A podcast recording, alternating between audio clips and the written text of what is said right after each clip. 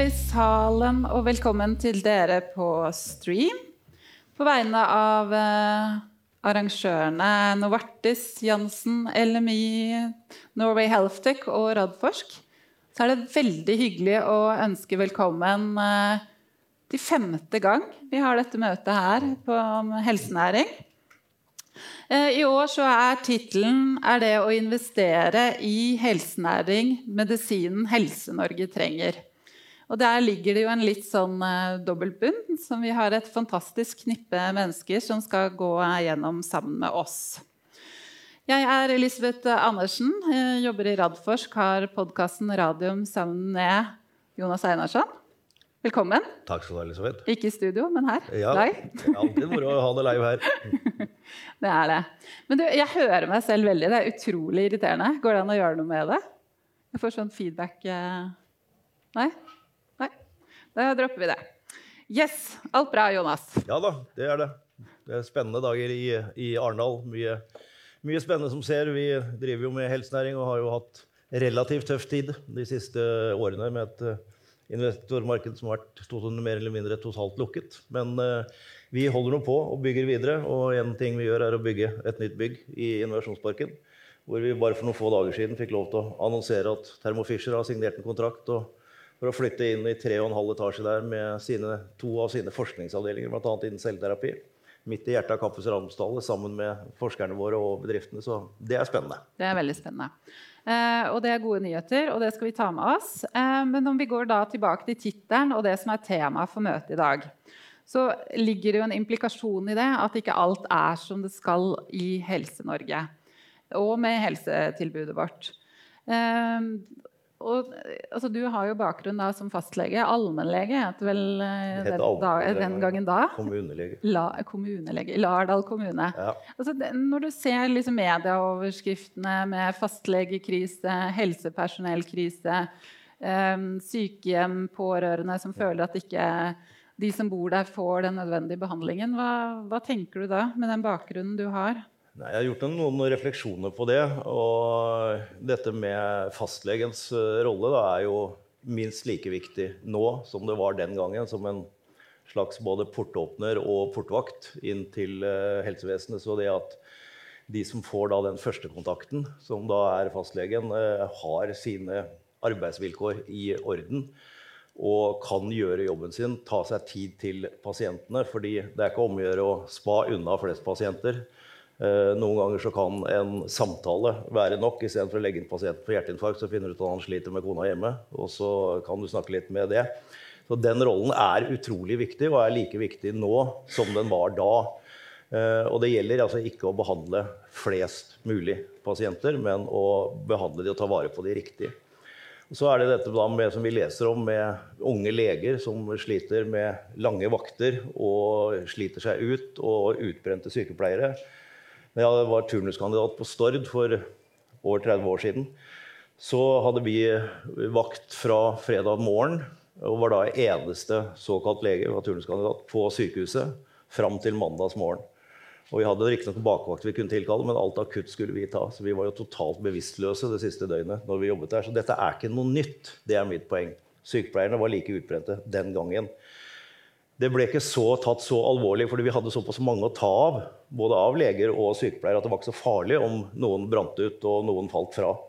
I dag har vi fått atskillig flere pasienter per behandler. Da syns det. Men det er altså ikke noe nytt. Det er liksom mitt budskap oppi dette her. Og når et budskap er at vi bør behandle færre pasienter og gjøre mindre, så syns jeg det er relativt absurd. Men det er mine private refleksjoner. Jo, men det er jo også naivt, da, med tanke på den veien det går nå, med en eldre befolkning, flere komplekse og sammensatte sykdommer. Og det er nettopp eh, mye av det vi skal snakke om i eh, panel 1 i dag. Så istedenfor at du og jeg skal stå her og snakke, så skal vi ha med oss eh, første panel med dyktige folk. Eh, Jonas Miné Kinge, professor avdeling for helseledelse og helseøkonomi ved FHI. Eh, bare kom opp, du. Sånn walk and talk. Eh, du har jo vært mye i mediene i sommer med forskning på hva vi faktisk bruker helsebudsjettene på. Og så er det veldig hyggelig å ønske velkommen til Kristin Cornelia Utne, leder for Yngre leders forening og medlem av Helsepersonellkommisjonen. Dere kom jo med en rapport i januar i år som fikk det til å gå kaldt nedover ryggen på enhver politiker. vil jeg tro.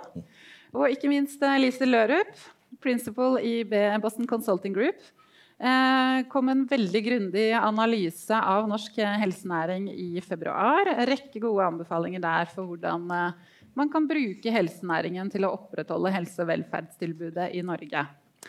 Men jeg vil begynne først med deg, Jonas, eh, og den forskningen dere har gjort, eh, som jeg syns er utrolig spennende og aktuell. For dere har jo da sett på hva bruker vi penga våre på innenfor helse, både for spesialisthelsetjenesten og kommunehelsetjenesten. Fortell litt om de funnene. Ja, eh, tusen takk. Så eh, vi har holdt på med et arbeid som vi eh, har jobbet med i uh, nesten gjort beregning på nesten i fire år. Uh, hvor vi har beregnet helseutgifter for 144 sykdommer fordelt på åtte typer helsetjenester, altså alle kommunale, men også legemidler og, og de statlige.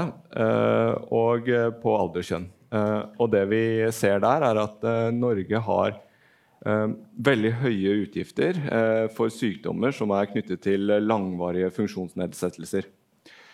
Vi ser også at vi, har ganske, altså, vi, har en kraftig økning i utgifter med alder, og sannsynligvis høyere økning i utgifter med alder enn flere andre land. Vi bruker ca. 40 ganger så mye på en kvinne på 85 sammenlignet med en jente på 5.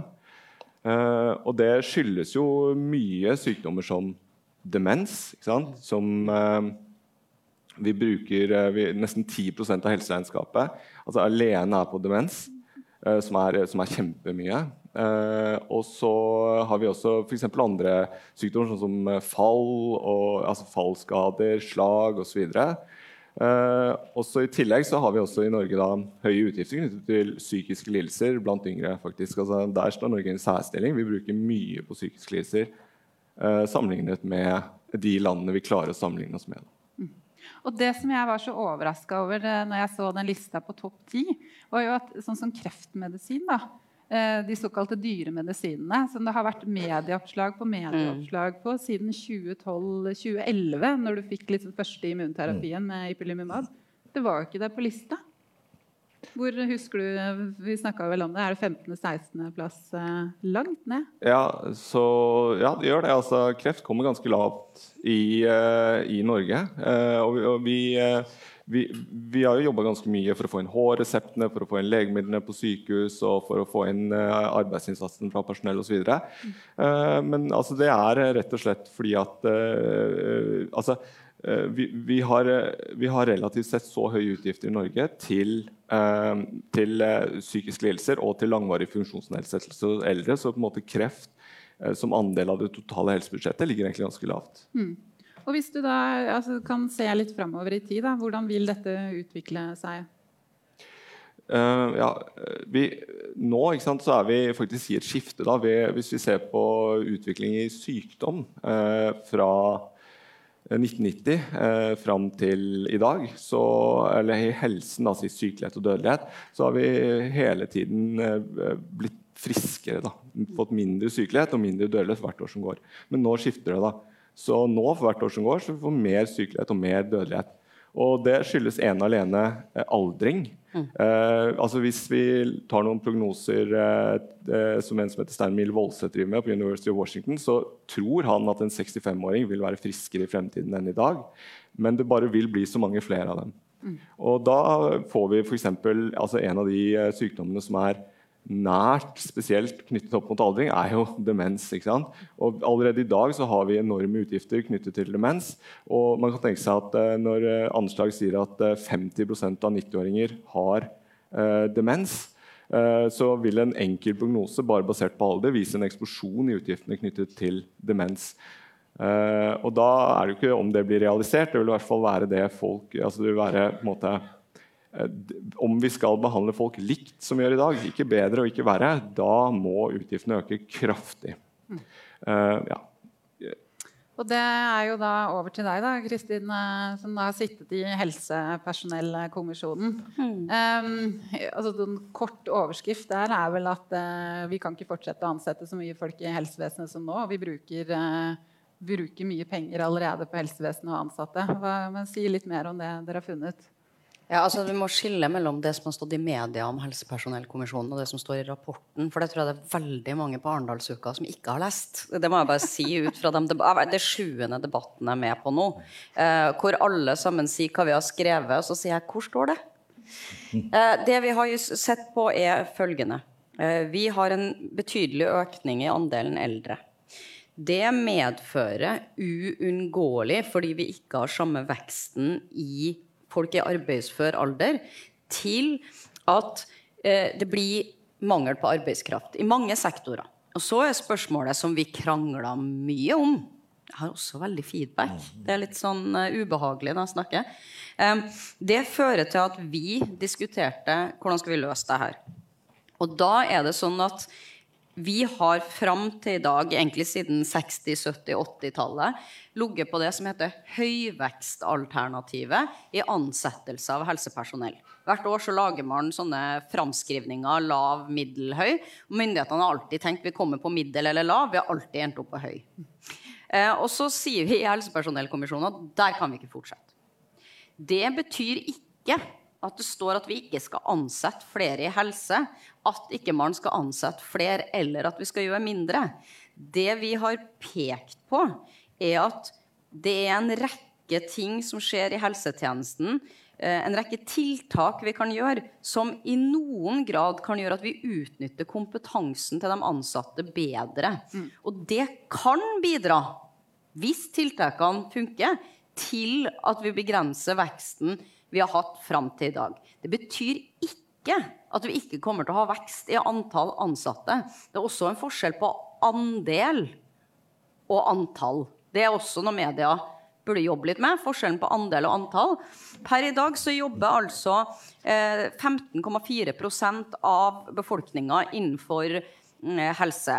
13 hvis du tar vekk forskning og en del eh, Men det er også ganske viktig i helse. Da. Så, eh, og så er spørsmålet hva betyr vesentlig vekst? Det er også Juridisk så er det under 20% Så hvis vi øker, eh, øker til 18% av befolkninga som jobber i helse, så er vi fortsatt under vesentlig vekst. Og da må vi begynne å diskutere er det da det her som gjør, skal gjøre at Tone Trøen får vondt i ryggen? For du var politiker. Jeg tenker jo at mange av de tiltakene som står i helsepersonellkommisjonen, er jo noe bl.a. min forening, Legeforeninga, har beskrevet i mange år. Vi har sagt vi bygger sykehusbygg som er for små, som gjør at det blir dyrere å drifte. Vi bruker ikke personell effektivt. Vi bruker høykompetent personell til oppgaver som folk med annen kompetanse kunne ha løst bedre. Annet ting som jeg bruker mye tid på. Finn fram undersøkelsesutstyr, fyll på papir i printeren, og ikke minst gå og lete etter blekkpatroner til en printer. Og så er vi jo her, så det er jo litt trist at jeg i hele tatt må bruke printer. Men det skal vi sikkert diskutere mer. Eh, det er jo derfor jeg er her. Og så har vi teknologi. Og der sier vi at vi har fått masse teknologiske løsninger. Jeg har vært med på masse av det. Jeg har jobba på sykehus, det har blitt innført. Hva har jeg fått? Ingenting som gjør at jeg jobber mer effektivt. Det er mange av løsningene vi har fått som har vært nyttig, sikker altså, Og noen av dem har ikke vært så nyttige og sikre, men det er en annen diskusjon. Men det er ingen av de løsningene når jeg var i møter, jeg har til og med møtt innovatører på sykehuset, det er ingen av de løsningene som kommer til meg og sier hvordan kan jeg sørge for at du får behandle flere pasienter på én dag? Og det sier vi jo i kommisjonen, som jeg er glad for, at når vi gjør innovasjon, så må vi se på hva er behovet. Og behovet er jo at jeg skal bruke kompetansen min på å være lege, mm. ikke på å plotte data.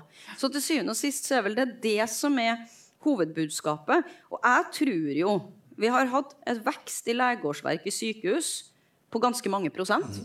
Men tida vi bruker til klinisk behandling, går ned. Ja. Og da mener jeg at da er det bedre for meg òg. Jeg skal ikke springe fortere, jeg skal gjøre mer av det jeg kan. Og det mener jeg at er en gode ved rapporten, og så skal vi sikkert diskutere det mer. Absolutt. Eh, Lise, som nevnt, eh, dere har jo jobbet med helsenæring, altså en analyse av det i Norge. Hva er det dere ser der? Ja, vi kan jo begynne med bare når man ser på helsenæringen totalt sett, hva den kan bidra med. Mm. Vi tror jo helsenæringen spiller en viktig rolle både for pasientene, for å gi tilgang til ny teknologi, nye produkter.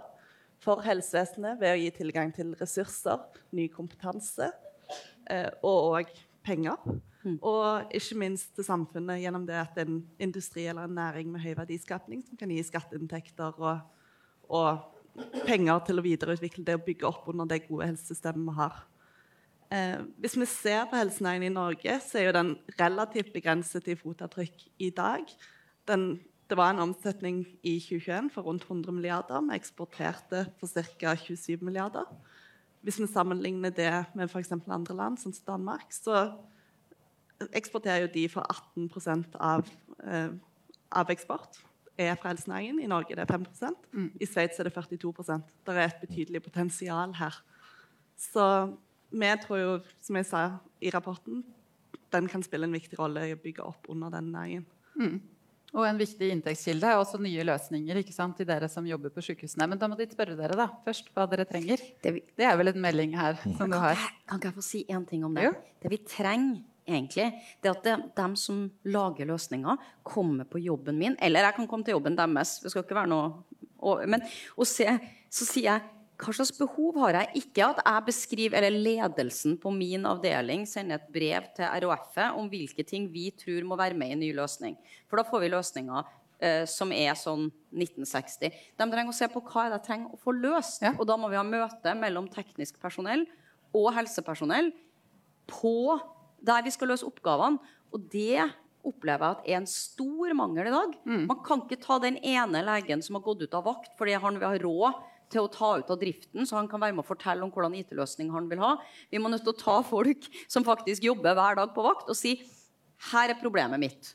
Og så må noen løse det. Og det håper jeg kanskje det her kan bidra til. Kan ikke dere være med meg på det? det Vi er, veldig jo, interessert i det. Altså. Det, det, her er jo markedstankegang. Man må tenke marked, så det her, ja, det her fikser vi. Velkommen på jobb. og bli med meg på vakt.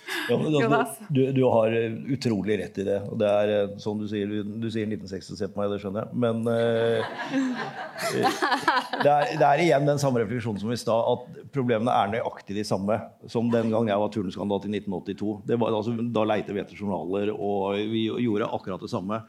Eh, men det du sier nå, det er mange folk som sitter med innovative løsninger på dette. Ja. Som kanskje til og med har vært i helsevesenet og har en liten sånn oppfinner i seg og har, og har sett det selv. De må få tilgang til det å komme til deg. Mm. Og få lov til å teste ut ting, prøve ut ting. Og da er vi igjen inn på den uh, debatten med at vi må komme inn i miljøene, få lov til å teste ut ting. Sykehus må være testbed også for nye teknologiske løsninger og nye praktiske løsninger. Og så må sykehusene ta det i bruk hvis de får det fram. Vi er, vi er ve veldig enige. Og så er det noen som sier men hva med sikkerhet? Og der har vi jo sagt at ja, vi må lage, altså det, Når du kommer på sykehus og skal lære deg datasystemet, så har man laga en fiktiv pasient som heter Krøllekrøll. Det går an å gjøre det samme. Vi, trenger, vi kan lage en fiktive data og lage en såkalt er det ikke IT, så kaller dere det en sandkasse. Er det ikke det hvor vi kan teste ting uten at vi bryter med, med regelverket. Det må være mulig, tenker jeg. Veldig bra. Sånn eh, helt til slutt, eh, fra deres ståsted, hva må eh, politikerne gjøre? Nå begynner med deg, Lise, i forhold til den rapporten. Altså, hvis du skal få fart på helsenæringa nå, hva, hva, må man ta tak i? Ja, men jeg tror det er utrolig viktig at man først og fremst setter en veldig tydelig ambisjon, definerer en nasjonal strategi for hva helsenæringen skal være for Norge, og hva den skal bidra med inn, i norsk helsevesen og i næringslivet. Det andre er at vi må prioritere hvilke områder vi skal bli gode til. Og da må vi òg se til hvilke behov helsesystemet har. Vi har i dag et fortrinn på helsedata. Der tror vi at vi må bygge videre på det fortrinnet og akselerere fremgangen. Og så må man jobbe med å bryte ned de, noen av de barrierene som finnes i dag mellom samarbeid mellom offentlig og privat. Det er jo både rammevilkår, systematiske barrierer, men òg vilje og kultur for samarbeid. Mm. Alle de må jobbes med, og alle må bidra. Ikke bare politikerne, men alle aktørene i bransjen. Mm. Så komme tilbake til det med private offentlig samarbeid. Den kulturen greia der, den har vi snakka mye om i mange år. Jonas? Uh, ja, så uh, eh, Sånn som vi har vært inne på, vi, vi vil få en kraftig økning i behovet for helsetjenester for egentlig 70 pluss-befolkningen fremover. Ikke noe særlig for de yngre. Uh, og det kan møtes uh, på tre måter. Enten så kan vi uh, altså øke finansieringen og øke bare av alt vi driver med, bare gjøre mer av det. eller vi kan organisere oss bedre. eller vi kan ha innovasjon da, og bedre, ta i bruk nye teknologiske løsninger på en bedre måte. Uh, og De to siste går jo på det å kunne potensielt bedre produktiviteten. og det har Vi på en måte, vi har et desperat behov for å kunne klare å bedre produktiviteten i de bransjene hvor man tar hånd om langvarige funksjonsnedsettelser. For det har man ikke sett. Uh, den forskningen som vi har på det, så ser man veldig liten bedring i produktiviteten der. Så der, der håper jo håper jeg at man klarer å, å få til en bedring fremover. Nei, altså, jeg tror det er viktig eh, Jeg må bare tilbake til Jeg tror vi må gjøre alle tre. Altså, jeg tror ikke du kan unngå høyere finansiering. Det er også et viktig poeng. Det står heller ikke i helsepersonellkommisjonen at vi ikke skal bruke mer penger. Det står vi går tom for folk før vi går tom for penger. Det er viktig å si. Det krever ganske mye investeringer å øke produktivitet.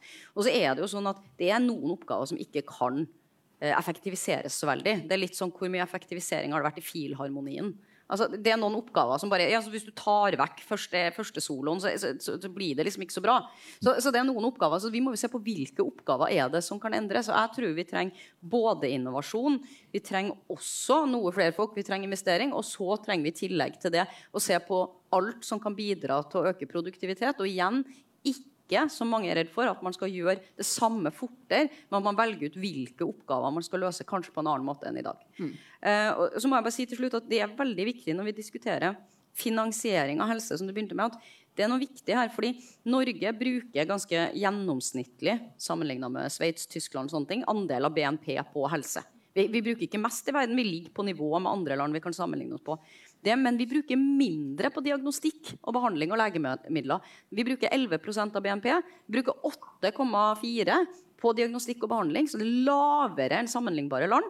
Men vi bruker mye mer på long term care. Mm. Og det er kanskje noe som helsepersonellkommisjonen kunne ha gått mye mer inn i. Fordi hvis vi sier at vi skal, det er i kommunen vi har behovet framover, så er det sånn, men det er et helt annet behov enn kreftmedisiner. Og den diskusjonen der er det kanskje ikke samme tiltakene som skal settes inn på long term care? Betyr kanskje ikke at vi skal kutte ut innovasjon på diagnostikk og behandling? Nei, jeg tenker jo snarere tvert imot. Da har du jo mye å hente. Tusen takk til dere. Takk.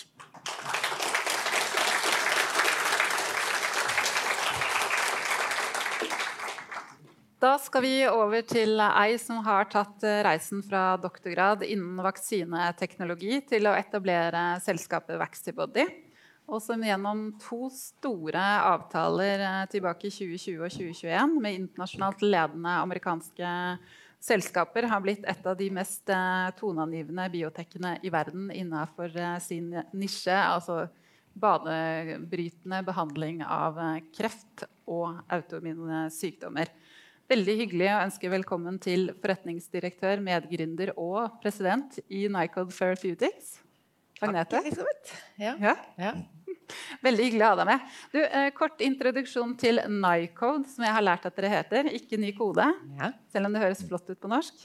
Ja, Vi, vi heter jo Nycode med norske bokstaver fordi vi er stolt av å være norske. Men eh, vi, jo, vi er jo i en internasjonal verden, så vi heter Nycode. Så. Eh, Nycode jobber med ja, altså Vi har utviklet eh, en ny, eh, forbedret versjon av vaksineteknologi, egentlig. Så vi har utviklet en måte hvor vi kan eh, få vaksinene til å finne fram og, eh, til de rette cellene innen immunforsvaret og kan kontrollere om vi vil ha den immunresponsen som vi mener er best for å gi en eh, god behandling mot kreft. Eller andre versjoner hvor vi mener at vi kan gjøre noe litt annerledes og kontrollere immunforsvaret i annen retning for å f.eks. behandle autoimmune sykdommer. Så det er egentlig den grunntanken uh, som vi jobbet med på, um, på Rikshospitalet i, i hine høyere åre dager for lenge siden. Uh, og uh, nå tok inn til å utvikle og sette opp dette firmaet som vi kalte Vaxibody fra 2006-2007 veldig sen og treg start, eh, vil jeg si. Eh, holdt på lenge, brukte lite penger og lite mennesker. Og eh, så har vi da fått ganske store gjennombrudd etter hvert. Eh, så egentlig fra 2006 til, 2020 er to forskjellige sånne æraer i, i vår historie. Mm. Og Vi skal komme litt tilbake til den uh, begynnelsen. Men nå, altså som du sier da, fra 2020 og til nå, så har du hatt en fantastisk vekst. Og også i antall ansatte. Mm. Eh, de ansatte dere trenger med den høykompetansen, de finner man ikke nødvendigvis eh, i Norge. Eh, hva har dere møtt på da, når du har vært ute og funnet de beste folka som dere har eh, lyst til å få med i Nycode for å bygge selskapet videre? Mm. Ja, det er jo en naturlig del av dette. Det er jo det er ikke så mange andre biotech-selskaper i Norge som har kommet dit vi har, og som har avtaler med store legemiddelfirmaer. Hvordan man håndterer det. Hvordan vi tar produkter fra tidlig forskning best mulig fram til markedet med alle de mulighetene og alle de studiene man skal sette opp. Så det, det fins jo veldig begrenset med tidligere tilsvarende ekspertise i Norge. Og, og da Det er jo litt sånn Eh, jeg har følt det i veldig mange år selv. At det er mye bedre eh, i Norge å tenke at eh, hvis jeg gir deg en sykkel, og jeg ikke hjelper deg å sykle, og ikke gir deg mat og ikke vann, og legger litt steiner her og der og sier du kommer ikke til å få det til, kommer ikke til å få det til Hvis du da likevel får det til, da, da er det bra. Eh, som om alle de som er verdensmestere i sykling, har vært gjennom den reisen, og ingen har hjulpet dem på, på, på veien. Av en eller annen grunn så er det litt den tankegangen som, som har fungert i Norge. Eh, så det er fortsatt mange som mener at skal vi bare bygge det selv, vi skal bare klare det selv. Det er det, er det samme. Det, du har ikke gjort en TOX-studie før, en klinisk studie før, du har aldri tatt noe til markedet før. Men la oss bare gjøre det for første gang uten noe hjelp utenifra. Og sånn funker det bare egentlig ikke. Det syns jeg vi har kjempet mot veldig mye. Vi må ha folk som har gjort det før. Eh, og de er ikke norske eh, per def. Og da må vi hente folk utenfra. Og vi møter en enorm motstand utenfra for å flytte til Norge. Eh, og verden er fin virtuell, men det er utrolig mye å vinne på å møtes eh, og jobbe tett sammen og bli kjent med personlighetene. Vi har ekstremt treige arbeidstillatelsesordninger. Eh, det er det første. Så vi har jo etablert et kontor i Danmark, så Nycode er jo nå 150 pluss i Norge og 30 pluss i Danmark. Og vi gir jo nå valget eh, til de utenfra om de vil flytte til Danmark, hvis ikke de er danske, eller flytte til Norge. Arbeidstillatelsesprosessen gjør at vi kan få noen til å starte og jobbe for oss innen en måned pluss i Danmark. Og det tar seks måneder eller et eller annet i Norge. Eh, vi gidder ikke å vente i fem måneder for å få inn de, bare fordi eh, de skal i Norge.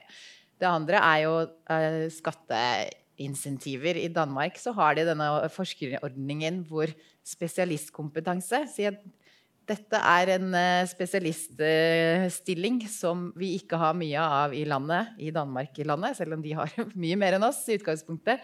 Som gjør at de kan hente inn folk fra utenfra som sier hvis du kommer hit, betaler du vesentlig mye mindre skatt på lønnen din i opptil syv år. Hvordan skal vi få de til å flytte til Norge? Det er mm. ingen som tar det valget. Jeg flytter til Norge, og jeg betaler mye mer skatt, og det tar lengre tid før jeg får lov til å, starte og begynne jobben min.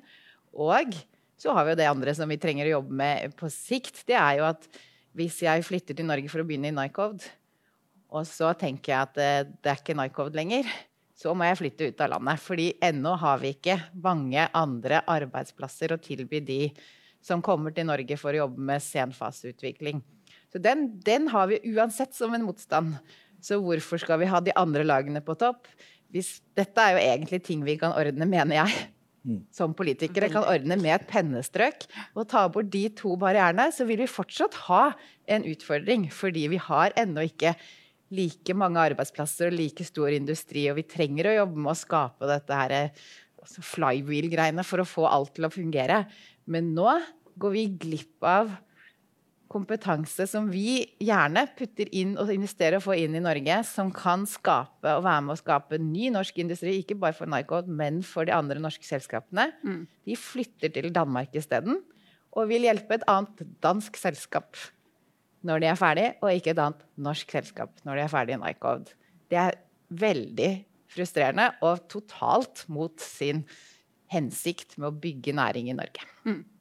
Veldig bra. Og så da tilbake litt til den starten som du sa fra 2006 til 2020, hvor det gikk litt sånn uh, trått. Og Da er det egentlig to ting jeg har lyst til at du skal kommentere på. For det ene var når du på en måte gjorde den uh, forskninga di og begynte liksom å, å uh, tenke på å kommersialisere dette og sette opp et selskap, så var jo ikke det Det var jo ikke applaus nødvendigvis. Men tenker du at det har forandret seg nå? Er det lettere nå når man får en, ser en oppdagelse og ønsker å kommersialisere det? Ja, jeg tror jo det er ting som har endret seg, absolutt, i positiv retning. Så, så vi hadde jo ingenting av disse ordningene og Spark og så videre. Det var ingen som fortalte at det finnes patenter eller noe som helst når jeg tok doktorgrad. Og det er jo en stor forskjell nå. Vi har Sjelab, og vi har, vi har veldig mange av disse initiativene som, som ikke jeg så i det hele tatt. Eh, på det tidspunktet. Eh, og jeg tror og håper at det også betyr at man ikke alle er den onde stesøsteren bortst i gangen som, som sier, nevner et firma, og ikke bare ren, pur eh, akademisk grunnforskning. Det var det eneste som var på en måte stuerent på den tiden. Mm. Den kulturen tror jeg er i ferd med å endre seg. Så det er mange som kan åpent snakke om at det hadde vært gøy å, å, å få til noe og, og, lage et selskap. Så, så det syns jeg er kjempepositivt.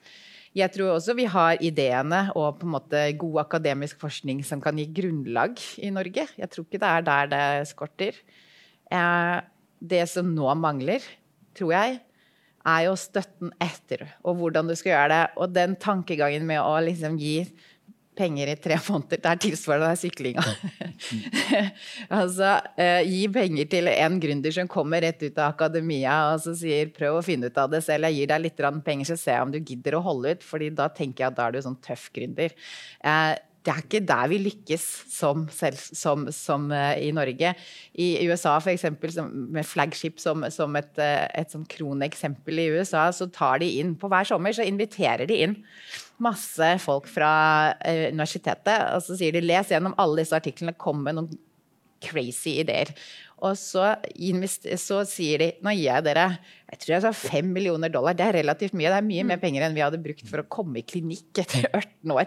Gir de dem, og så, og så sier de gå sånn i stille i gangene her. Ikke si noen hva dere holder på med. Så får de et år eller halvannet til å finne ut var det noe. Eh, funket det eller funket det ikke? Og så kutter de ned 98% av de ideene etter ett år. Og så hvis de funker, så gir de 50 millioner dollar, og så henter de inn supererfarne folk som kommer fra, fra store, sterke jobber og vet akkurat hvordan de skal sykle eh, i, i neste runden vi kan jo ikke konkurrere. Det er jo ikke et NM vi holder på med i forhold til hvor tøff kan du, hvor mye motstand kan du tåle i dette landet, for det er så fint. Mm. Eh, det er jo eh, Vi skal jo prøve å konkurrere mot USA eh, og mot Europa, og da trenger vi en helt annen mentalitet og tankegang i hvordan satser vi.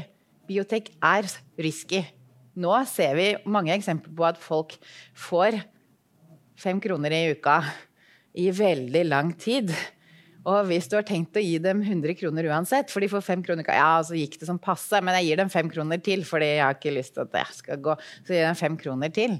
Hvorfor kan du ikke gi dem 100, 100 kroner på dag én?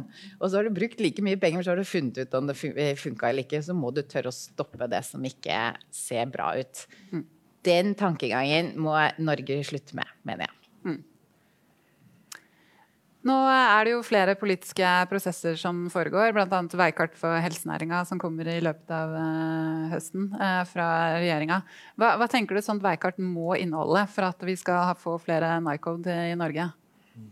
Nei, altså Det er jo mye snakk om eksportnæringen og sånn. Vi skal selge noe ut av Norge. Hvis vi selger noe som ikke er laget i Norge, som ikke har basert på norske patenter og norske oppfinnelser, så sitter Norge igjen med en sånn her margin.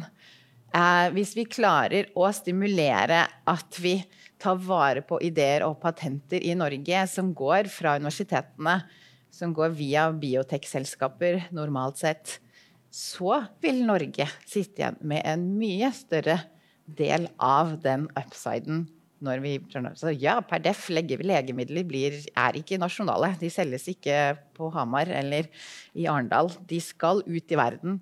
Men å ta noe liksom utenifra og si nå lager jeg litt her, så sitter man jo igjen med en sånn bitte liten eh, del av kaka. Så jeg syns det er veldig viktig at de tenker på hvordan kan vi stimulere at vi tar vare på norske ideer. Norske patenter har kjempestor verdi. Og da må man lage bedre rammeverk for biotek. Og et av de viktigste tingene der Uansett hvor mye vi vi skal samarbeide bedre og vi skal finne de beste og vi skal bli, og gi litt mer penger til biotek Vi må kunne få inn ekspertkompetanse fra utlandet. Da klarer vi å bygge industrien. Og det kan vi fikse i morgen. Er det ikke noen som kan skrive under på noe i morgen? Vi har noen politikere etterpå som vi skal spørre om det litt senere. Tusen takk skal du ha, Agnete. Jo, det er hyggelig.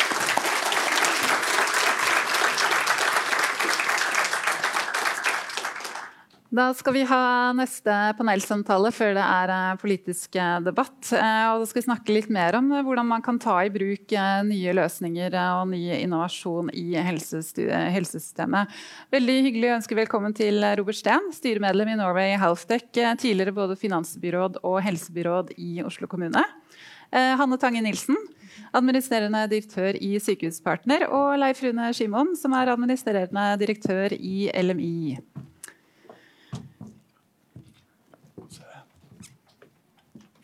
Eh, sense of urgency. Jeg skal snakke norsk. En følelse av at noe haster. Eh, for jeg så Det første panelet i dag tegner jo et litt sånn dystert uh, framtidsbilde. Uh, Blir en eldre befolkning. Vi skal ikke nødvendigvis ha færre ansatte. Det, men vi må bruke dere på en bedre måte. Man bruker mye penger på, på helse. Og så er det liksom denne helsenæringa som, som, Lise sier, som liksom ikke Vi er ikke der helt enda. Uh, vi har så lyst, vi har så mye ambisjoner. Um, Robert, du og jeg snakka på forsommeren her, eh, og da forklarte du meg noe litt om sånn politikkens natur, som gjør at det er litt sånn vanskelig noen ganger å liksom bare komme i gang og sette retning og, og endre ting. Kan ikke du si litt om hva du sa til meg da? Jeg hater å skulle redde verden på fem minutter, men jeg skal prøve. Eh, da får du kanskje nobelpris òg, tenker jeg. Ja, i den utstrekning det er noe å hige etter. Men eh, ikke nødvendigvis. det viktigste er vel å redde verden, kanskje. La meg prøve meg på et resonnement. Eh, Norge kan faktisk bli verdensledende på helseteknologi. Norge må bli verdensledende på helseteknologi. Vi har den bredeste og dypeste helsetjenesten på offentlige hender i verden. Skal vi bibeholde den norske samfunnsmodellen? Og det er vel ingen her som, tviler, ingen her som tviler på at dette er den minst digitale dagen i resten av våre liv. Herfra går det bare én vei. Det kommer til å bli datastyrt. Digital teknologi kommer til å overta mer og mer av de drivende kreftene bak alle sektorer, så også helse. Og Hvis vi ikke kontrollerer det i vårt eget samfunn, så kontrollerer vi heller ikke helsetjenestene. Kontrollerer vi ikke helsetjenestene i Norge, så har vi ikke det offentlige velferdssamfunnet sånn som vi kjenner det. Så Det er rammene uh, for det vi egentlig sitter her og diskuterer i dag. Og så er det et kinderegg der. Det er derfor jeg prøver å se på mulighetene. Uh, vi har som sagt en mulighet til å lage den sterkeste e-helseteknologibobla i verden. Hvorfor ikke benytte oss av den? Det kommer til å skapes gjennom det som Kristin var inne på, nemlig ved å slippe til tech-menneskene våre her i Norge inn i helsedomenene våre. Det er vanskeligheten i dag. Kristin sa det veldig klart, synes jeg. Men hvis vi som politikere, Sverre, Tone, kan åpne opp helsenæringen vår og blande inn teknologikunnskapen, så kan vi skape magi. Tech-menneskene kommer ikke til å løse dette aleine. Helsemenneskene kommer ikke til å løse dette alene. Politikerne kommer i hvert fall ikke til å løse det alene. Og da kommer i og for seg dette som du spør meg om. Jeg har jobbet uh, deler av mitt liv i privat næringsliv, deler av mitt liv i samfunnsmessige oppdrag, deler av mitt liv i politikken. Uh, jeg driver nå og har det litt moro med å legge organisasjonskart ved siden av hverandre. Jeg satt i Oslo-politikken og har et organisasjonskart som heter Oslo kommune. Det består av åtte byrådsavdelinger, eller divisjoner som det heter i den private sektoren, som jeg har jobbet i. De ledes av en byråd eller en divisjonsdirektør, som det heter i private næringsliv. Ser helt likt ut. Disse danner en ledergruppe som heter byråd i Oslo. Det heter regjering på nasjonalt nivå. Eh, og så heter det konsernledergruppe i Skipsted, som jeg jobbet tidligere. Alle disse ledergruppene rapporterer til et styre. Det heter bystyre, storting og eller konsernstyre. Så kommer det morsomme. Går man inn i disse styrene, så finner man ut at uh, halvparten av bystyret og halvparten av Stortinget, det som heter opposisjon, ønsker den operasjonelle ledelsen vondt. De vil ikke at de skal lykkes. Og de får med seg media på å fremstille den operasjonelle ledelsen, som da heter byråder eller statsråder, stort sett som tullinger og idioter som ikke får til noe. Og jeg kunne gjort dette mye bedre, fordi man ønsker egentlig å overta jobben eh, ved neste valg. Dette er strukturen vi har bygd, og vi har gjort det med viten og vilje fordi vi har egentlig hatt fokus på drift og forvaltning. Bekjempelse av nepotisme og korrupsjon. Det er årsaken til at vi har den strukturen og den insentivmodellen som egentlig ligger der. Men det kommer ikke noe særlig innovasjon, nyskapning og risikotagning ut av slik struktur og slik kultur.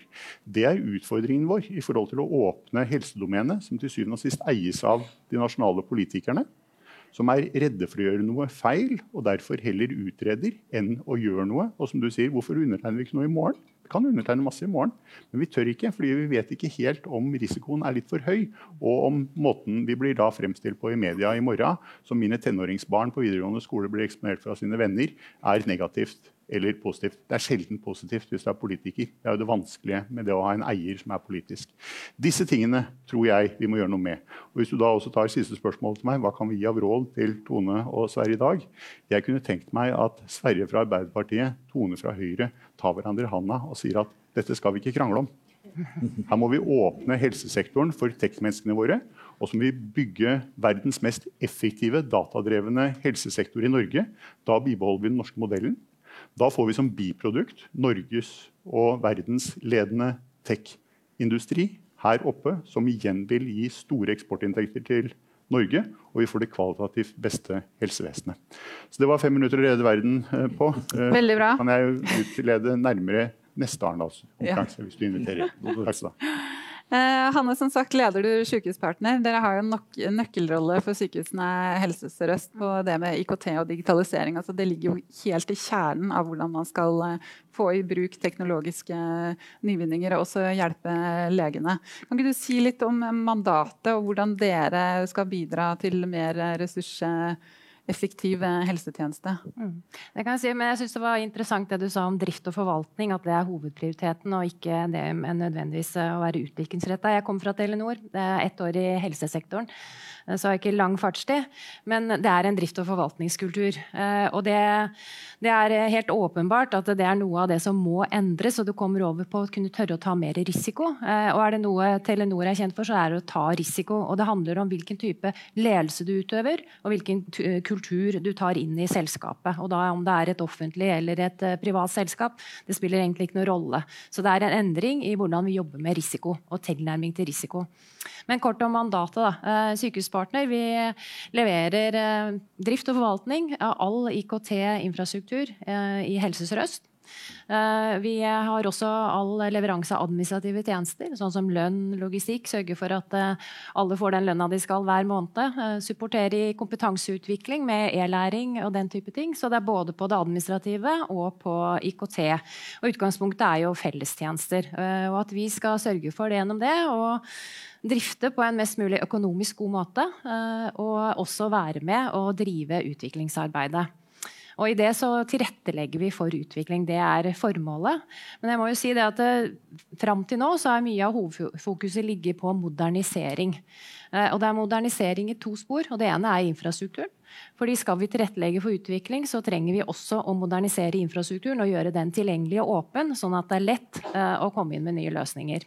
Og kanskje mest av alt bygge og utvikle løsninger på toppen av infrastrukturen, og ikke sånne tunge kliniske systemer som vi har i dag. Uh, og så er det det andre som uh, går på hvordan vi samarbeider med HF-ene, uh, altså helseforetakene i sykehusene, som også er en barriere i dag. Jeg mener egentlig sånn som du sier, vi, vi, står litt, litt, for langt på utsida. Det er noe som må endres i sykehusene. Hvordan man organiserer utviklingsarbeid, og hvordan man driver utviklingen. Og, og også hvordan da selvfølgelig samspillet med næringslivsaktører kan være som del av det. Mm. Så det er litt sånn kjernen av mandatet mitt. Og vi har, eh, vi har ambisiøse planer for fremtida, men eh, den henger jo på, på moderniseringen. Mm. Eh, Leif Rune, altså, du representerer jo da globale legemiddelbedrifter og også biotek som, eh, som Nycode. Eh, det, vi ser her med disse barrierene altså, og den kulturforskjellen privat-offentlig samarbeid, dette er jo noe vi har snakket om i alle år. Altså, har det skjedd en forandring, eller hvordan er det det? Blir dere invitert inn nå, eller Er det de samme stengslene som du opplever fremdeles?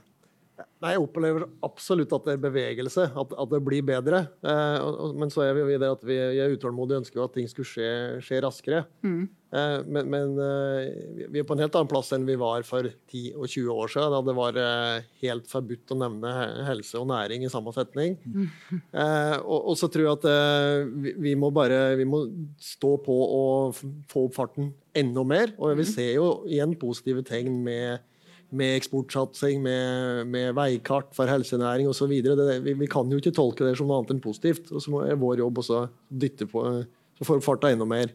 Og så har jeg veldig lyst på å kommentere på det, det som Robert Steen sa. fordi at eh, jeg tror du har helt rett. Eh, hvis, vi skal, liksom, hvis Norge skal prøve å trekke litt lærdom der vi har lykkes tidligere, da, og da, da, er det jo lett å se på olje og gass. Men altså, hva gjorde vi da? Jo, eh, Arbeiderpartiet og Høyre ble jo da enige om at det her må vi løse på en god måte. Her må vi, her må vi være effektive for ikke å tape i konkurransen internasjonalt. Og så unngikk du der, alle de omkampene og de årevise diskusjonene på Stortinget, men du fikk ting gjennom fordi at de to store bolka i, i norsk politikk var enige. Derfor så klarte vi å, å, å både sikre interessen i Nordsjøen og utvikle en industri raskt. Det andre vi gjorde, det var at vi settes ikke ned her og tenker at nå skal vi lære oss alt sjøl, og det skal vi bruke 20-30-40 år på.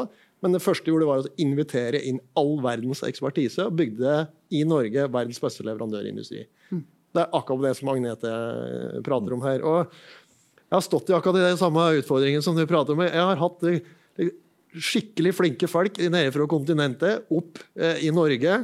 Kompetanse som Norge trenger. Jeg har kjørt dem rundt, jeg har vist fram Mjøsa, Monolitten og Akershus festning og slik og så begynner han å jobbe i Danmark. Ja. Ja, det er så fortvilende, for jeg vet at det, det, er litt kompetanse som Norge trenger. Så, så vær så snill å lytte på det som, som, eh, som Magnete sier, det, for her har vi noen slike hindre som, som, vi kan fjerne, eh, og som vi, vi er helt avhengig av. den. Eh, vi, vi, er nødt til å bygge opp ikke en kombinasjon til at vi får fram noen norske lokomotiv som, som har et anker i Norge, og som kan bli her over tid. Eh, og det samspillet med internasjonal industri. For vi mm. trenger, Skal vi få tempo og skal vi få skala, så trenger vi de internasjonale selskapene. Mm. Sånn som du ser det, da, Hanne, med din bakgrunn fra Telenor og så nå over i det offentlige. altså Hvis du skal gi politikerne noe råd på veien her, nå fikk vi råd, egentlig samme rådet fra dere to, må ta hverandre i hånda og fikse dette, liksom. Mm. Du, hva tenker du? Jeg, jeg tenker det, det, er flere ting. Det ene er eh, finansielt. Uh, skal du stå i en omstilling, så, og du skal dreie fra der vi er i dag og stille om, sånn som hvis jeg tar utgangspunkt i modernisering av infrastruktur, samtidig som vi skal tilrettelegge for økt utviklingstakt, hvor du må endre måten du jobber på, tverrfaglig team, samspillet med HF-ene, samspillet med leverandørene, så trenger du omstillingspenger. Mm. Du trenger å, for det er det vi jobber med i dag, med også i utgangspunktet en flat finansiering på teknologisida. Eh, som også er litt surrealistisk. Um, så, så, så, får du ikke til Det blir en veldig saktegående omstilling. Du bruker, du, bruker litt og litt midler på å bruke, uh, utvikle utvikling og innovasjonsmiljøet både på, i Sykehuspartner og på, på uh, helseforetakene. Og, og, så bruker du mest av tid på de store regionale løsningene og på moderniseringen av infrastrukturen. Så uh, det skulle jeg gjerne ønska meg. litt, og det kan godt være rammer å si at det skal gå dedikert til innovasjon og utviklings- og omstillingsaktiviteter. Og så tror jeg det handler litt om, som jeg også merker er veldig sånn uh, annerledes i det offentlige, det er rapporteringskulturen. Og den kommer av måten mål settes på. Mm. Og krav til, uh, det er liksom krav til leveranser, og du skal levere på det. Uh, I liten grad ser du på på hva du skal egentlig reelt sett oppnå, hva du skal lykkes med. Og det er en annen måte å måle på, hvor du går mer mot behandlingsorientert, mer mot resultatet. Eh, så det, det, tror jeg også regjering og myndigheter og politikerne må se på. Hvordan er det vi måler eh, virksomhetene som skal levere på. Du nevnte jo på det, at man bruker enormt mye tid på dokumentasjon. Eh, og ikke vet jeg helt hvor du kommer fra, men kanskje litt ut fra at det er pasientrettighetsfokuset som står i. Og når du skal på rettigheter, så må du gå på kvalitet. Så, så det, er en, det er en endring i også hvordan vi måler og følger opp på. Mm. Så vi vil frigjøre også tid der. For det er, eh, det er jo kjemperessurskrevende. så, så det er kanskje de to. Og så er det noe med lov om offentlige anskaffelser som vi ser vi bruker enormt mye på. Jeg vil hevde at vi bruker dobbelt så lang tid som i private selskaper eh, ved anskaffelser. Eh, og så er det gjort en del på lov loven, men eh, det er fortsatt barrierer i forhold til det å trekke inn små virksomheter, jobbe med små virksomheter og jobbe med idéutvikling og det med å jobbe med uttesting. Og mm. det må regelverket lempes på. Så det må jobbes mer med det. Mm. Så det er kanskje de viktigste tingene. Mm. En siste kort kommentar fra Leif Rune og så Robert, og så skal vi gå over på debatt. Ja, nei, jeg har veldig lyst på å kommentere litt på, på, på tittelen på møtet i dag. Er det, er det rett medisin for, for eh, helsevesenet? For altså, vi, ser, eh, jeg, jeg tror vi må, vi må, jobbe for å få forutsigbare, gode rammevilkår. Vi må fjerne hindre til å, til å tiltrekke kompetanse og bygge den hele industrien. fordi at vi trenger den så sårt. Eh, og vi trenger den i to perspektiver, som begge har med oss å ivareta den norske velferdsstaten. Punkt 1, Vi må klare å betale for velferden. Og vi vet at inntekten fra Nordsjøen de vil gå ned. Vi er nødt til å skape nye industrier, men ikke hvilke som helst industrier. Vi må ha høyverdige industrier. fordi at hvis du ser på olje og gass, høy, høy verdiskaping per person. Da må vi erstatte de, det vi mister der, med nye høyverdige arbeidsplasser. Det er helseindustrien et kjempegodt eksempel på. Ikke det eneste, men, men absolutt et godt eksempel. Og så er det, det, er det rette medisin for helsevesenet. Uh, og der tenker Jeg jeg har uh, faktisk lest uh, Helsepersonellkommisjonen, og jeg måtte gå meg en tur etterpå, for det, det, er, så, det er, tunge saker. Altså. Men vi, vi, blir færre som skal For første gang i landets historie blir det færre i yrkesaktiv alder. Og samtidig den raskeste veksten i befolkningen er de som er over 80 år. De trenger mest pleie og, og, og, mest omsorg. Og det, det, går jo ikke opp, som Kristin sa i stad. Uansett hvor mye penger vi har, så går det ikke opp. Og vi er nødt til å ta i bruk legemidler, vaksiner, teknologi på en helt annen måte, slik at vi får avlaste helsevesenet. Robert, kort. Jeg må bare få hekte meg på det med at uh, Penger kommer ikke til å løse dette. For første gang på 30 år uh, så er ikke penger løsningen på utfordringen vår i Norge.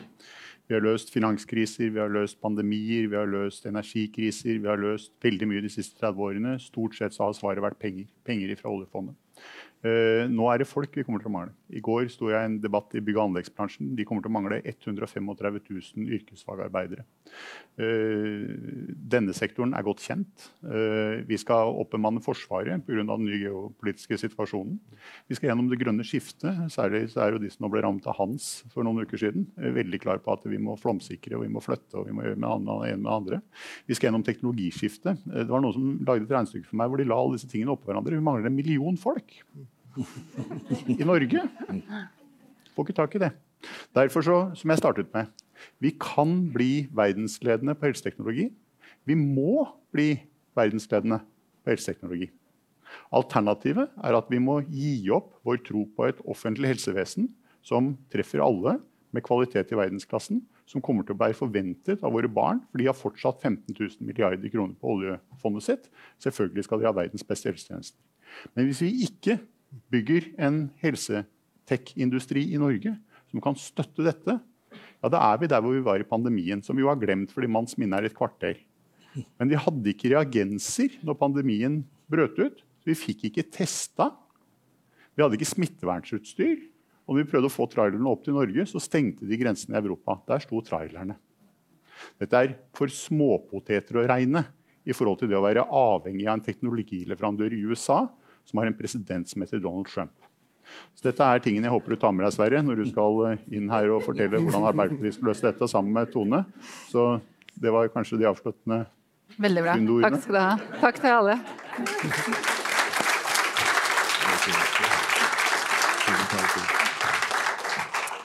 Ja, tu tusen takk til, til, panelet. og Jeg har bare lyst til å komme med en liten refleksjon før vi slipper til uh, politikerne og debatten.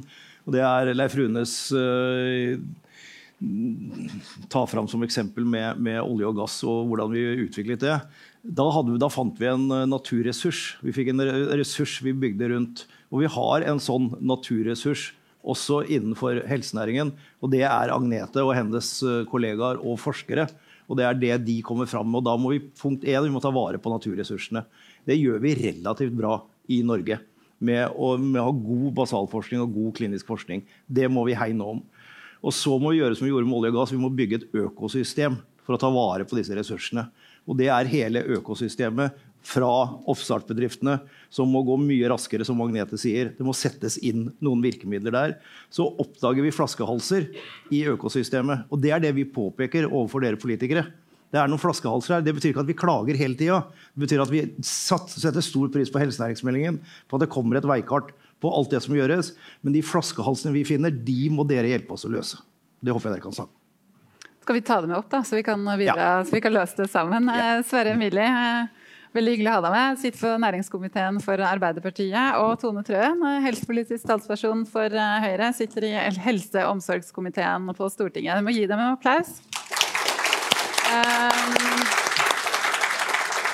for jeg vet at dere to løper fra møte til møte her nede. Vi skal møte deg seinere i dag også, Tone.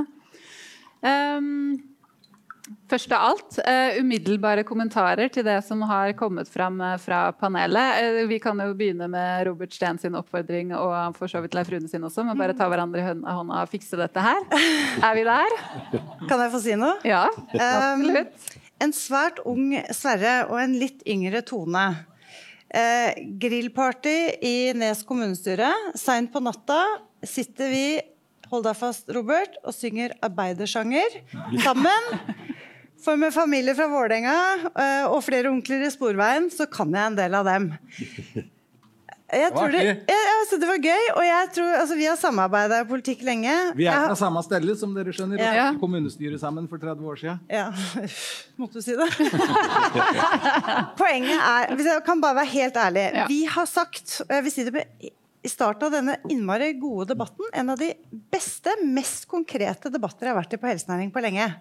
Um, vi har sagt etter Helsepersonellkommisjonen Vi var lavmælte i våre kommentarer. Vi sa dette er en av våre, vår tids største utfordringer.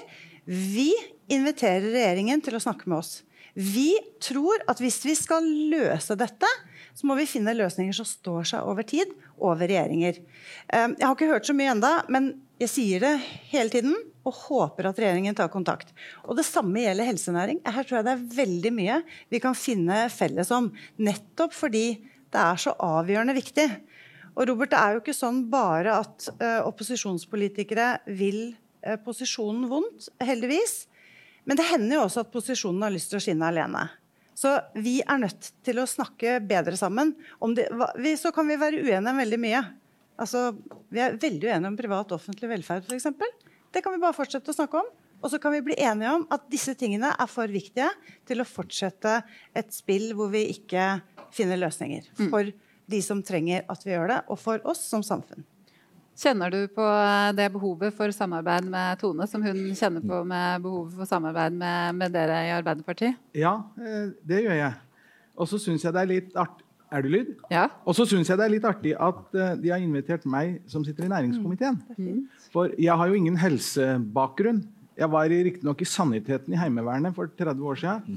Der gikk vi på kurs og lærte å spjelke bein. Så uansett hva som feila de vi kom inn, kom inn så blei beinet, ble beinet spjelka. Eh, feil, det er vel det som heter feilbehandling eller overbehandling. eller hva vi skal kalle det. Så jeg har ingen, helse, ja, jeg har ingen helsebakgrunn. Men jeg går jo nå i debatt, debatt fra næring til næring. Og bare si at alle næringer opplever liksom, lever litt i en sånn verden at ingen er opptatt av oss. Eh, så må vi, det, der må vi ikke komme. Altså, helsenæringen er veldig, veldig viktig.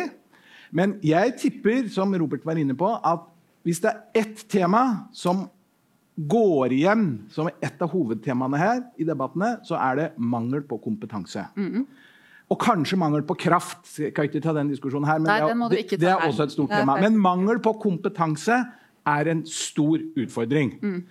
Så vil jeg også si til dere Jeg kom inn på Stortinget i 1997, fryktelig lenge siden. Det har vært en utvikling hvor det som dere etterspør, tøffe politikere, gå foran, ta sjanser, det er en kultur som nesten er blitt borte. Eh, jeg var så heldig så jeg fikk jobbe sammen med Kjell Opseth.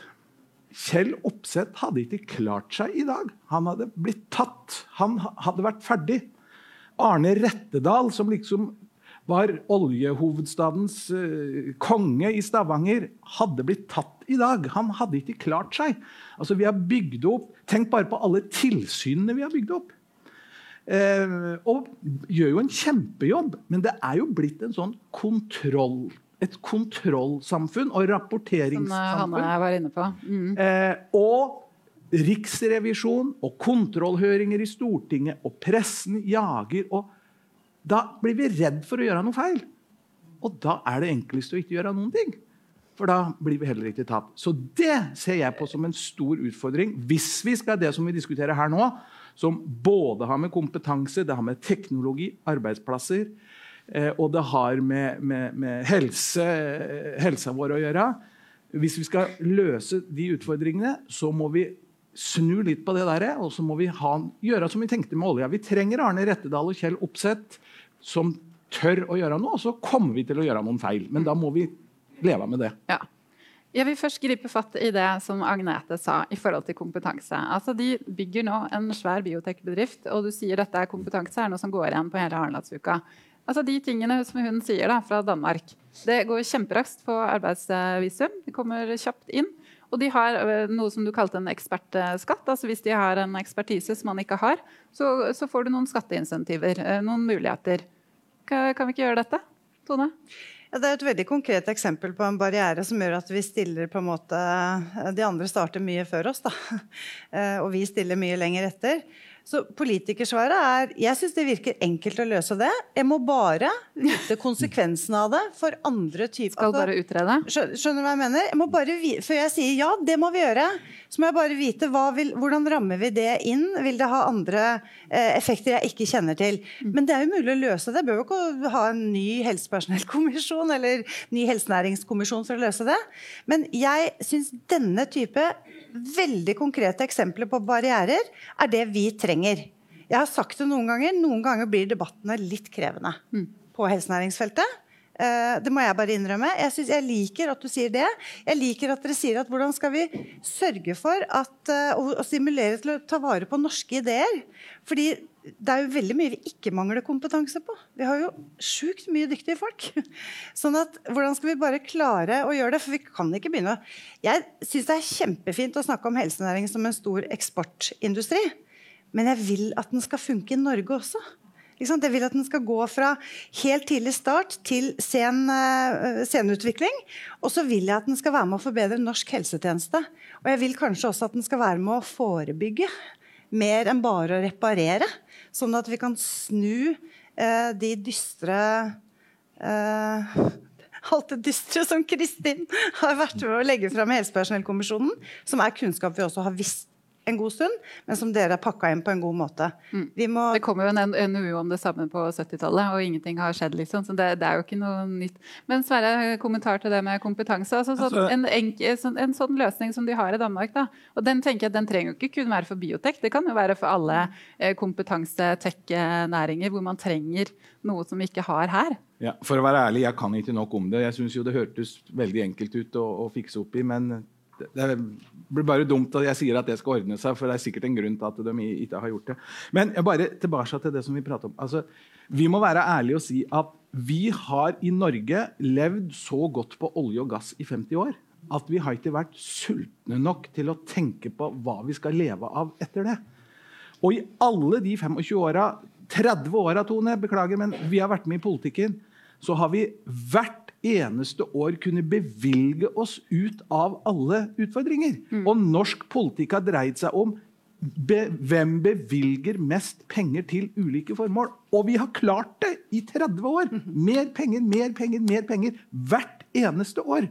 Nå er vi der at det er ikke mulig å gjøre det lenger. Men så må vi ikke gjøre dette svart heller. da, dere. Tenk for hvilke muligheter vi har i Norge, med den befolkningen vi har, med det helsestellet vi har, med, med det utdanningssystemet vi har. Med det samarbeidet vi har mellom altså trepartssamarbeid med bedriftene, med myndighetene, med ansattes organisasjoner. Vi har jo noen enorme muligheter hvis vi spiller korta våre riktig framover. Mm. Så vi, vi, skal ikke, vi, vi må ikke lage dette svart. altså. Vi har kjempemuligheter. hvis Nei, vi gjør det, det og det er jo kjempebra. Jonas? Ja, nei, du, du har et veldig godt poeng der med dette med bevilgning av midler. Og hvis du ser på helsenæringsmeldingen og på alle innspillene, da var faktisk to ting. Det var veldig fint at det var et samarbeid mellom Næringsdepartementet og Helsedepartementet. Det satte hele næringen veldig stor pris på, for det trengs, og det håper jeg veikartet også vil vise at det fortsetter. Og så Hvis du ser på alle innspillene og alle innspillsmøtene vi var på Jeg kan ikke huske én gang at det var noen som ba om penger. Flott. Det helsenæringen ber om, er endrede rammevilkår for hvordan vi kan utvikle bedriftene videre. Så det, det det er derfor, Da, da kan, har dere noe dere kan ta tak i og gjøre praktisk istedenfor å bevilge penger. Mm. Og, og Mye av dette her går jo nettopp på den tilgangen til sykehusene, til hjemmemarkedet. Både, både samarbeidet, sånn som eh, Kor- eh, Kristin Cornelia hun vil ha det samarbeidet. Men når vi har utvikla noe, så må vi jo ta det i bruk. og Her er det jo masse ulike rammebetingelser som man må se på. Det, tar dere tak i det? Ja, ja, fordi utfordringen er jo ikke der bare i spesialisthelsetjenesten. Den er Nei, det er jo i aller høyeste grad i eh, primærhelsetjenesten. Mm. Og veldig mange av de som jobber med innovasjon innenfor det området, sier at det eksisterer nesten ikke et hjemmemarked. Og det er klart, Hvis du ikke har et hjemmemarked, så er det også vanskelig å bli sterk og få et eh, være noe som vi kan leve av som eksport. Så eh, jeg syns det er veldig gode tanker. Altså Telenor er inne på mye av det eh, i, sin, eh, i sin betraktning her i, i stad. Og, og Kristin sier det jo også. Um, det handler jo egentlig om å tenke litt sånn design. altså det å, det å tenke litt hvordan kan vi gjøre ting på en annen, annen måte med bruk av teknologi. Og jeg er helt enig med, med Sverre, vi har jo et enormt potensial hvis vi begynner å tenke over hvor lite vi egentlig har gjort av dette. Og hvor mye leger og sykepleiere og andre gjør som kan erstattes av andre, sånn at de kan gjøre mer av det de er spesialisert på.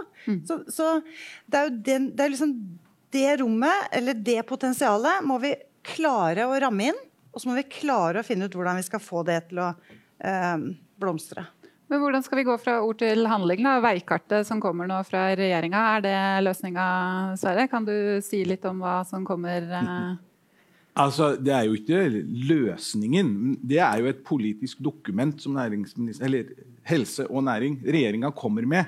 Fordi at eh, helse er en av prioriteringene i den omstillinga som vi nå skal igjennom næringslivet vårt. Eh, og ideene sitter jo her og ute i, i, i, i, miljøet, altså i helsevesenet, i akademia, i de flotte bedriftene, i legemiddelindustrien. Der sitter jo ideene og kompetansen. Og så, skal jo myndighetene legge til rette. altså Samspillet med akademika, utdanningsinstitusjoner. Eh, Se på virkemiddelapparatet vårt. altså Vi har jo ulike statlige virkemidler. eh, Se på kapitaltilgang. altså Den type ting er jo da det myndighetene skal stille opp med. Eh, Kompetanse, personell. Også, men jobben er det jo Den skal vi ta, ja. Er det bransjen Absolutt. Altså, vi står jo og spinner for å gjøre det. Tone? Men jeg tror vi trenger å få tydeliggjort de viktigste barrierene. Eh, og så så det, det tar jo sikkert eh, Sverre med seg tilbake til, eh, til både sin statsråd og, og arbeidet. At eh, jeg tror det er viktig å adressere barrierene eh, i et sånt veikart. Eh, og at man tør å ta tak i det, da, og tenke på hvor lite det kan koste i forhold til hva det kan gi. Men vi har sittet i regjering i åtte år, så vi kunne sikkert også gjort uh, mer. Uh, men det viktigste nå er jo at vi framover klarer å få det til. Ja, for det må du tilbake til denne sense of urgency. Da. Altså den der, eh, nå begynner det å haste litt her, hvis man skal opprettholde det helse- og velferdstilbudet. Det er ingen som vil ha et todelt helsevesen. Vi ønsker jo å ha et fantastisk offentlig helsetilbud der. Og når man da kan ha en næring som spiller inn og kan gi oss inntekter, men også løsninger, så må jo det være en vinn-vinn-vinn. Genialt. Dere. Ja, ikke sant? Ja, ja, Men da må jo dere gå fra ord til handling. Ja da, og, og legge til rette. Ha virkemidlene, sørge for at myndighetene er en medspiller og legger til rette slik at ideene kan blomstre. Og få inn personell og få bort hindre som gjør det vanskelig å få inn folk. og hva det måtte være. Ja, og så består jo helsenæring egentlig av to deler. Det er helseindustri, og så er det helse- og omsorgstjenester.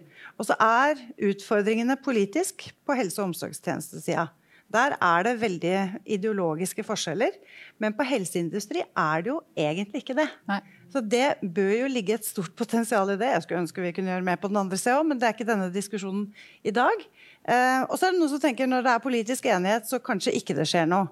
Ja, det må vi jo sørge for, da. At her må vi kunne klare å løfte dette sammen. Og vi skal i hvert fall være konstruktive i det arbeidet framover, for det er helt avgjørende viktig. Ja, det er kjempeviktig. Absolutt. Men, ja, også, men jeg vil bare si en gang, siste gangen, flere var inne på det, og jeg var inne på det i stad, at eh, det kommer til å bli en Det er en stor utfordring å få tak i nok folk. Eh, og eh, jeg har vært nå på møter med eh, finan- fintech-næringa, fiskerinæringa, leverandørindustrien vår, mineralnæringa.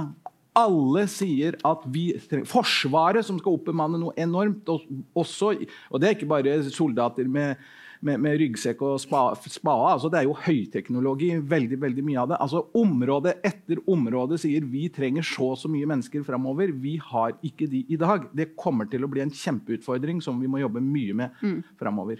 Lone? Mm, Men da tror jeg også vi må skille på det som helsepersonellkommisjonen beskriver, og det vi vet. Vi trenger stabil arbeidskraft i Norge for å levere mye av tjenestene våre.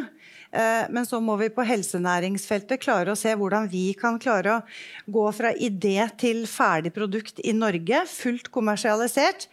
Og kan spille på folk som ikke nødvendigvis skal bo i Norge hele livet. Ikke sant? Så er der, den nøkkelen må vi klare å knekke akkurat på dette helsenæringsfeltet. Der er det ikke sikkert at vi slipper opp for folk, for de fins jo i hele verden. De må bare ha muligheten til å være med i en periode i Norge for å utløse det potensialet som ligger i Norge. Men samtidig skal du bygge en næring, så er det jo et eller annet med den spillover-effekten med kompetanse og sånn, sånn at du vil også ha de folka her, da, for da kan de gå videre til et annet selskap og bruke kompetansen osv. Så, videre. så begge deler, tenker jeg da. Tusen takk til dere. Oi.